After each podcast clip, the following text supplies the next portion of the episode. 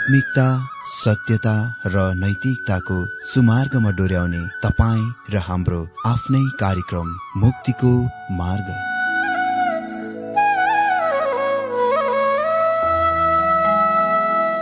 आदरणीय श्रोता यस मुक्तिको मार्ग कार्यक्रममा हार्दिक स्वागत छ। आशा छ यस आत्मिक कार्यक्रमद्वारा जीवनमा आत्मिक आशिष अलौकिक शान्ति र आनन्द प्राप्त गर्नुहुनेछ। र जीवनमा धन्य अनुभव गर्नुहुनेछ। आउनुहोस् श्रोता।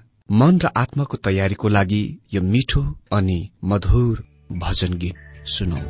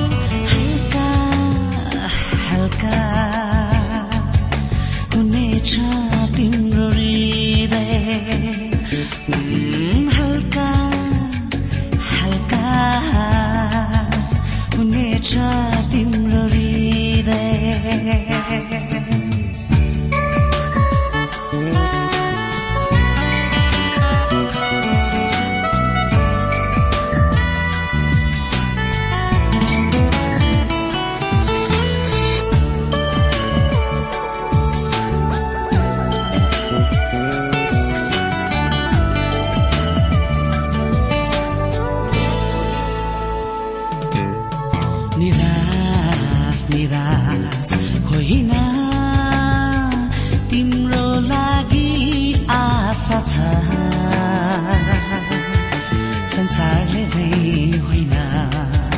तिमीलाई प्रेम गर्ने। अगापे प्रेमले प्रेम गर्नुहुन्छ। चाखी हेर। उहाँको प्रेमलाई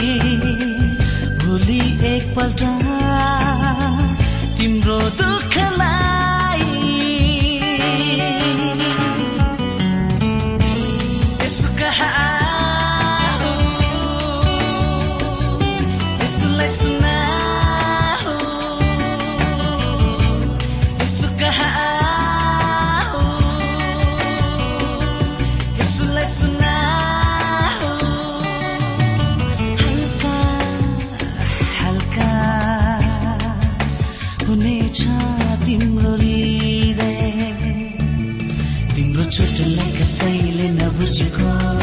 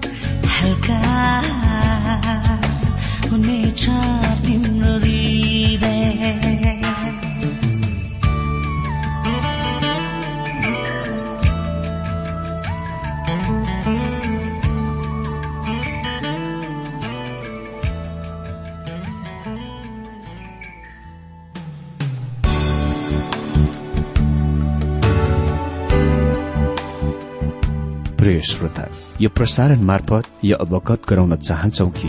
प्रभुको सेवाको लागि यहाँहरूको साझेदारी नित्यन्त आवश्यकता छ। यहाँहरूले प्रार्थनाको साथसाथै आर्थिक सहायता गर्न अनुरोध गर्दछौ। तपाईँहरूको सानो भन्दा सानो भेटी किन नहोस्? हामी प्रभुको नाममा स्वीकार गर्नेछौ। प्रभुको सेवाको लागि। तपाईँहरूको यो सानो लगानीले कसैको जीवनमा भिन्नता ल्याउँछ अनि प्रभुको महिमा हुन्छ। प्रभु तपाईँहरूलाई महान गरी आशिष दिनुहुनेछ। इच्छुक श्रोताहरूले तपाईँको इच्छा भेटी हाम्रो ठेगानामा पठाउन सक्नुहुन्छ जुन ठेगाना हामी कार्यक्रमको अन्तमा दिनेछौं।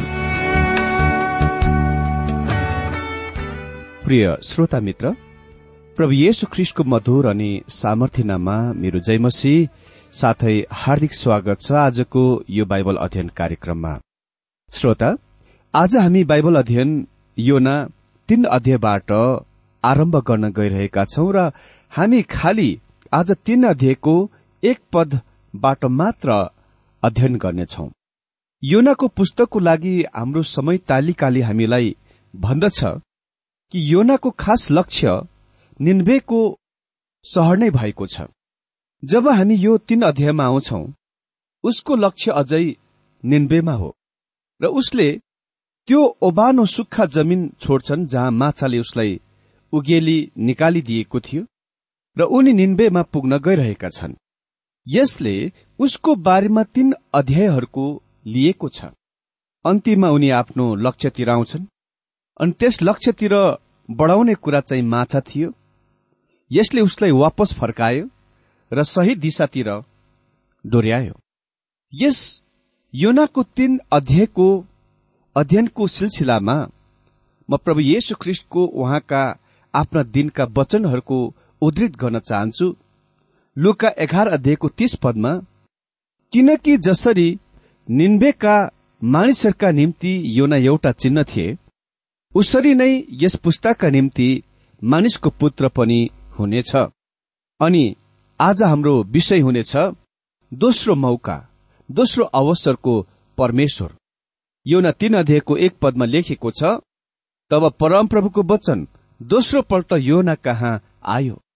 मित्र केही साल पहिले एक सभामा योनाको पुस्तकको विषयमा बोलिरहेको थिए। अनि त्यहाँ एकजना स्कूल शिक्षिका पनि त्यस बाइबल अध्ययनमा सभामा आएकी थिइन्। तिनी अति नै प्रिय व्यक्ति थिइन्।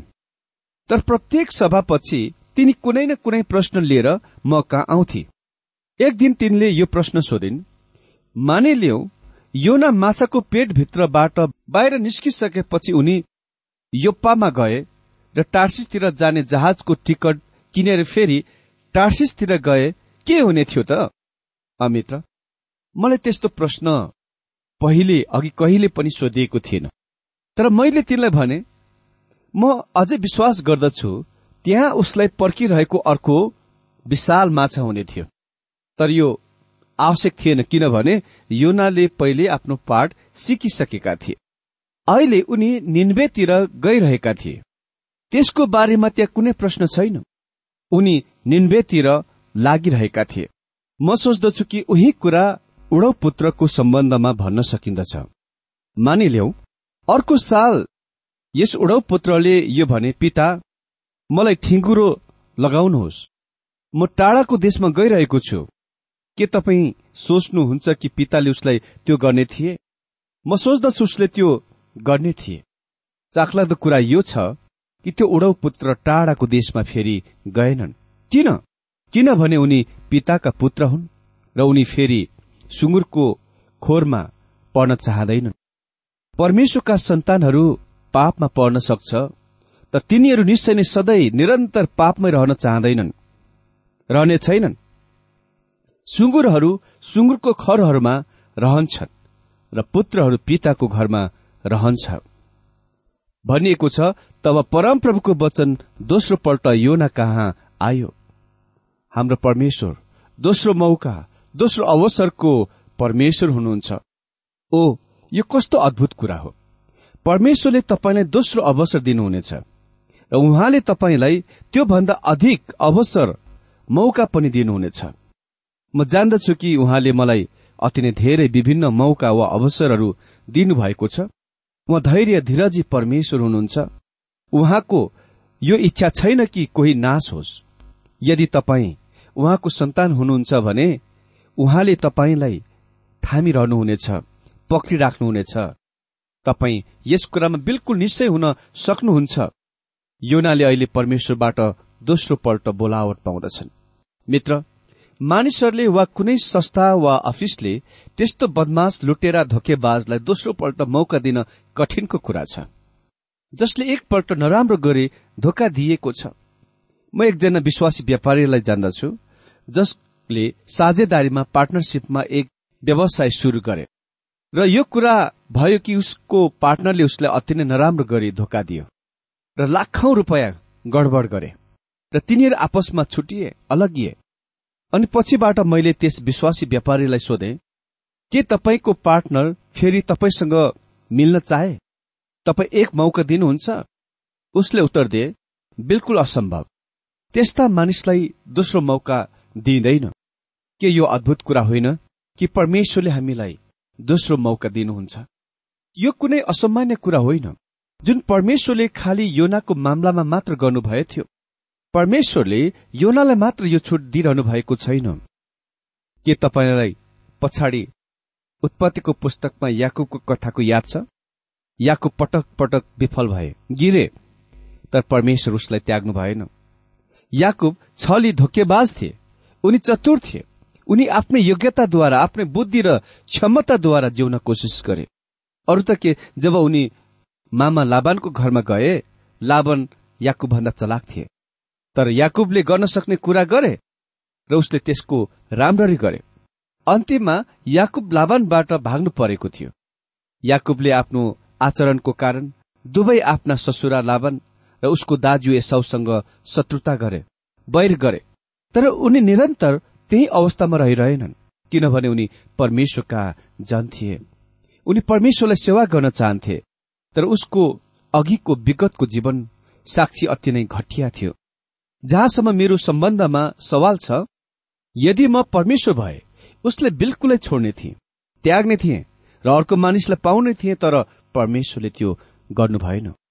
जब याकुब आफ्नो मुलुकमा फर्की आइरहेका थिए परमेश्वरले उससँग पेनियलमा एक रात कुस्ती लड्नुभयो। कहिलेकाहीँ यसले यो भनेको छ कि याकुब परमेश्वरसँग कुस्ती लडे। मित्र याकुब परमेश्वरसँग कुस्ती लडेनन्? पछाडि उसको ससुरा लाभन र अगाडि आफ्नो दाजु एसौ दुवै याकुब मरेको चाहन्थे।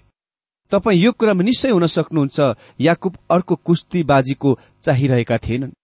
उसका आफ्ना हातहरूमा पर्याप्त समस्याहरू कठिनाईहरू आपत्तिहरू छन् र उनी कुनै कुस्तीबाजी गर्न गइरहेका थिएनन्। तर यो परमेश्वर नै पेनियलमा उनीसँग कुस्ती लड्नुभयो। त्यस मानिसले त्यस रात केही कुरा सिक्नु पर्ने थियो। परमेश्वर उसलाई ठिकठाक गर्न र उसलाई पाउन भन्दा पहिले लंगडा बनाउनु भयो।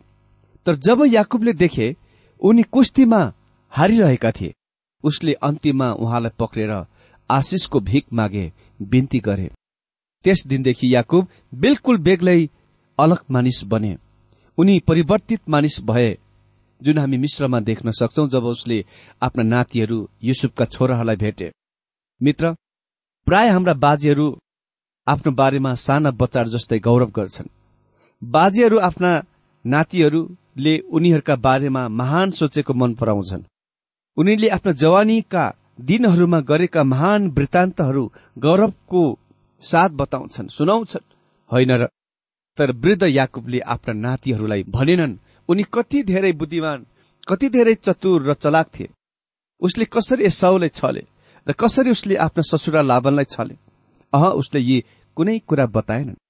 उसले खालि यही मात्र भने उत्पत्ति अडतालिस अध्यायको सोह्र पदमा जसले मलाई खराबीबाट जोगाए तिनले नै यी बालकहरूलाई आशीर्वाद दिउन्। हेर्नुहोस् त उसको जीवनको कस्तो परिवर्तन आएथ्यो। उनी कति नम्र भए। उनी अहिले परमेश्वरमा आश्रित भइरहेका थिए। त्यसपछि त्यहाँ दाउदको कथा छ। आज पनि त्यहाँ कोही कोही छन् जसले दाउदलाई आलोचना गर्न मन पराउँछन्। एकजना खराब वृद्ध मानिस दुष्ट वृद्ध मानिस आफ्ना आँखाहरूमा कर्के हेराई र आफ्ना आवाजमा कर्कस तिरस्कार व्यङ्ग्य सहित मौका आएथे र उसले मलाई भने किन परमेश्वरले भन्नुभयो कि दाउद उहाँको आफ्नै हृदय अनुसारको मानिस हुनुहुन्थ्यो? किन?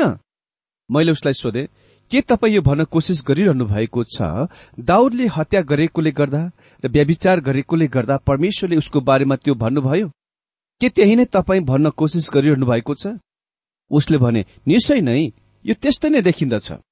त्यस वृद्ध मानिसले रिकर्डको बिल्कुलै पढेका थिएनन्। यो सत्य कि दाउदले भयानक पाप गरे तर परमेश्वरले त्यसको लागि उसलाई दण्ड दिनुभयो। परमेश्वरले उसलाई बेसरी आफ्नो जीवनमा कोर्रा लगाउनुभयो। अन्तिममा उसको हृदय भग्न भयो टुट्यो जब उसको छोरा अप्सालोमलाई मारियो।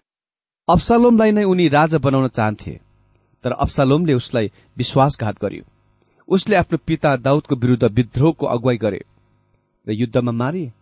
ओ दाउद कति धेरै रोए? उनी दोस्रो समूहल अठार अध्यय तेत्तीस पदमा यसो भन्दै रोए हे मेरो अप्सालोम मेरो छोरो अप्सालोम तेरो सट्टामा म मरेको भए हुने थियो।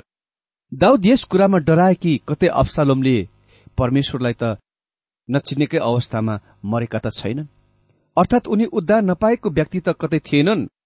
यस कुरामा दाउद फिक्रीमा थिए। यसरी दाउद आफ्नो पूरा बाँकी जीवनभरि भग्न हृदयका मानिस भए। तर परमेश्वरले दाउदलाई क्षमा दिनुभयो। जब उनी परमेश्वरका आएर भने भजन संग्रह एकाउन्न अध्यायको बाह्र पदमा तपाईँको मुक्तिको उमङ्ग मलाई फेरि दिनुहोस्।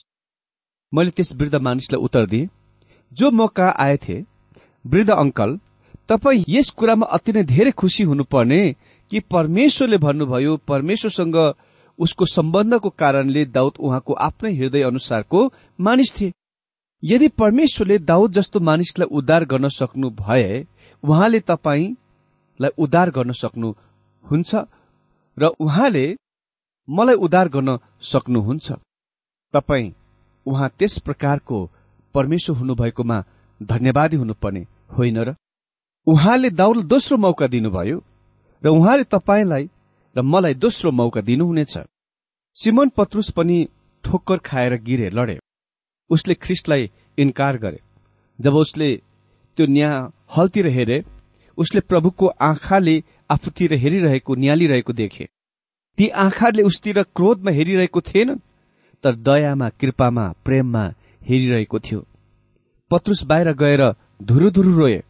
त्यसपछि जब हाम्रो प्रभु मृत्युबाट पूर्ण ब्युति उठ्नुभयो उहाँ सिमन पत्रुसका व्यक्तिगत रूपमा प्रकट हुनुभयो ताकि सिमन पत्रुसले उहाँसँग हरेक कुरा मामलाहरूको ठिकठाक गर्न सके सोझ्याउन सके। मित्र यदि तपाईँ परमेश्वरको सन्तान हुनुहुन्छ भने र पापमा फस्नु भएको छ तपाईँ उहाँ कहाँ फर्केर वापस आउन सक्नुहुन्छ? तर तपाईँ यसमा इमान्दार हुनुभए उक्तम हुनेछ। तपाईँ उहाँ कहाँ जान सक्नुहुन्छ र उहाँलाई आफ्नो हृदयभित्र भएका सबै कुरा बताउन सक्नुहुन्छ जुनको अरू कसैलाई भन्नुहुन्न र भन्न आँट गर्नुहुन्न। उहाँले तपाईँलाई ग्रहण गर्नुहुनेछ स्वीकार गर्नुहुनेछ र तपाईँलाई लिनुहुनेछ। दोस्रो मौकाको परमेश्वर हुनुहुन्छ। त्यहाँ अर्को मानिस पनि छन् जो गिरेथे लडेथे उसको नाम मर्कुस हो। उनी सर्वप्रथममा त्यति पक्का मिसनेरी वा प्रचारक थिएनन्। भन्नुपर्दा उनी पहिलो मिसनेरी सुसमाचार प्रचार प्रसार यात्रामा हुँदा वापस घरमा फर्की आएका थिए जुनले गर्दा पावल र वर्णावास बीच अलिकति मनमुटाप पनि भएथ्यो कारण वर्णवास उसलाई क्षमा दिन चाहन्थे र दोस्रो सुसमाचार या प्रचार प्रसार यात्रामा आफैसँग उसलाई लान चाहन्थे तर पावलले भने म उसलाई फेरि लान सक्दिन। अँ सायद यस निर्णयमा पावलको केही त्रुटि देखिन्दछ तर पछिबाट पावलले यसको महसुस गरे। उसले आफ्नो मनको परिवर्तन गर्नु परेको थियो किनभने परमेश्वरले ग्रहण गर्नुहुनेछ र परमेश्वरले मर्कुसलाई स्वीकार गर्नुभयो। त्यसैले जब पाउले आफ्नो विजय गीत दोस्रो तिमोथीमा लेखे उसले दोस्रो तिमोथी चार अध्यायको एघार पदमा भने मर्कुसलाई लिएर तिम्रो साथमा ल्याऊ। किनकि सेवाको निम्ति उनी मेरो लागि उपयोगी छन्।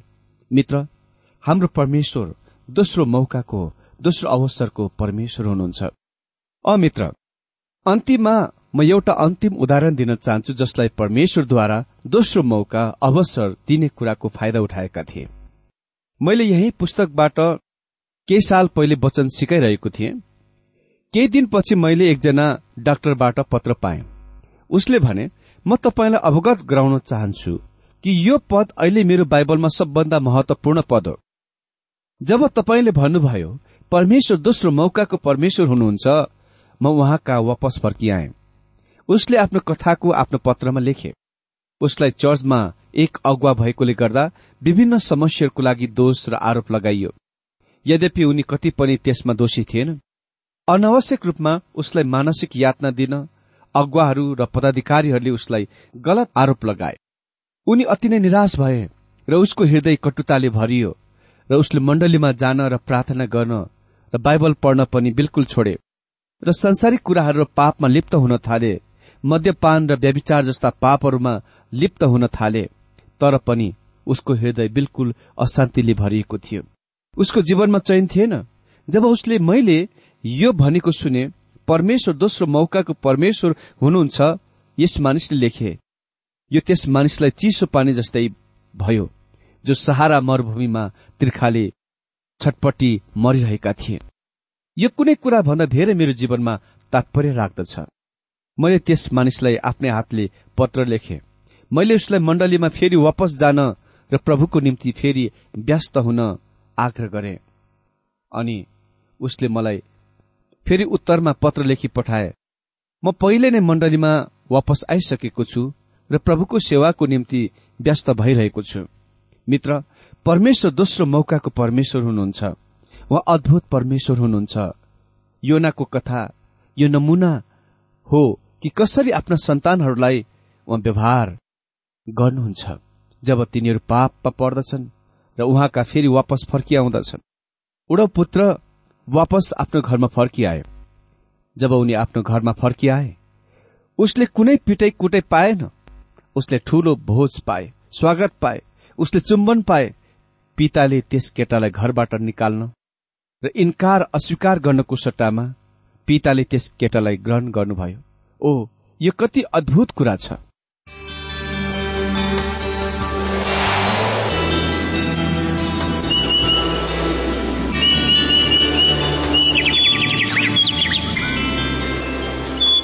प्रिय श्रोता अहिले भर्खरै तपाईँले टीडब्ल्यूआर नेपालद्वारा सञ्चालित आत्मिक कार्यक्रम मुक्तिको मार्ग सुनिरहनु भएको थियो। श्रोता आजको यो कार्यक्रम सुनेर तपाईँलाई कस्तो लाग्यो? यदि यो कार्यक्रम सुनेर मनमा कुनै खुल्दुली वा कुनै प्रतिक्रिया अर्थात सुझावहरू छन् भने हामीलाई पत्रद्वारा लेख्न सक्नुहुनेछ।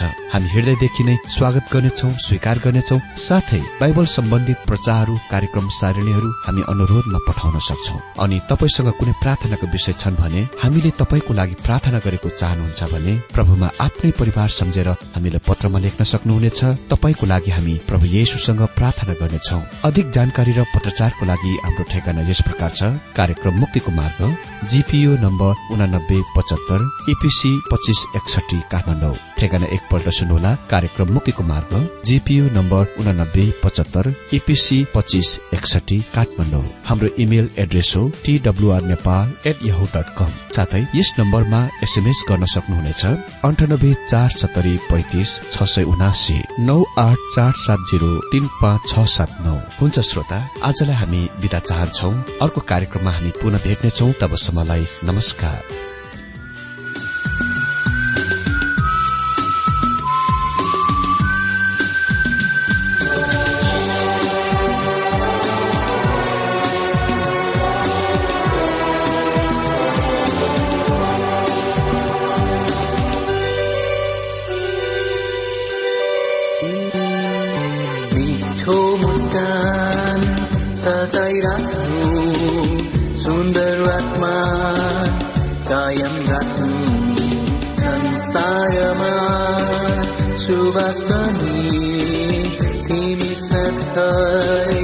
सधैँ फैलिदिनु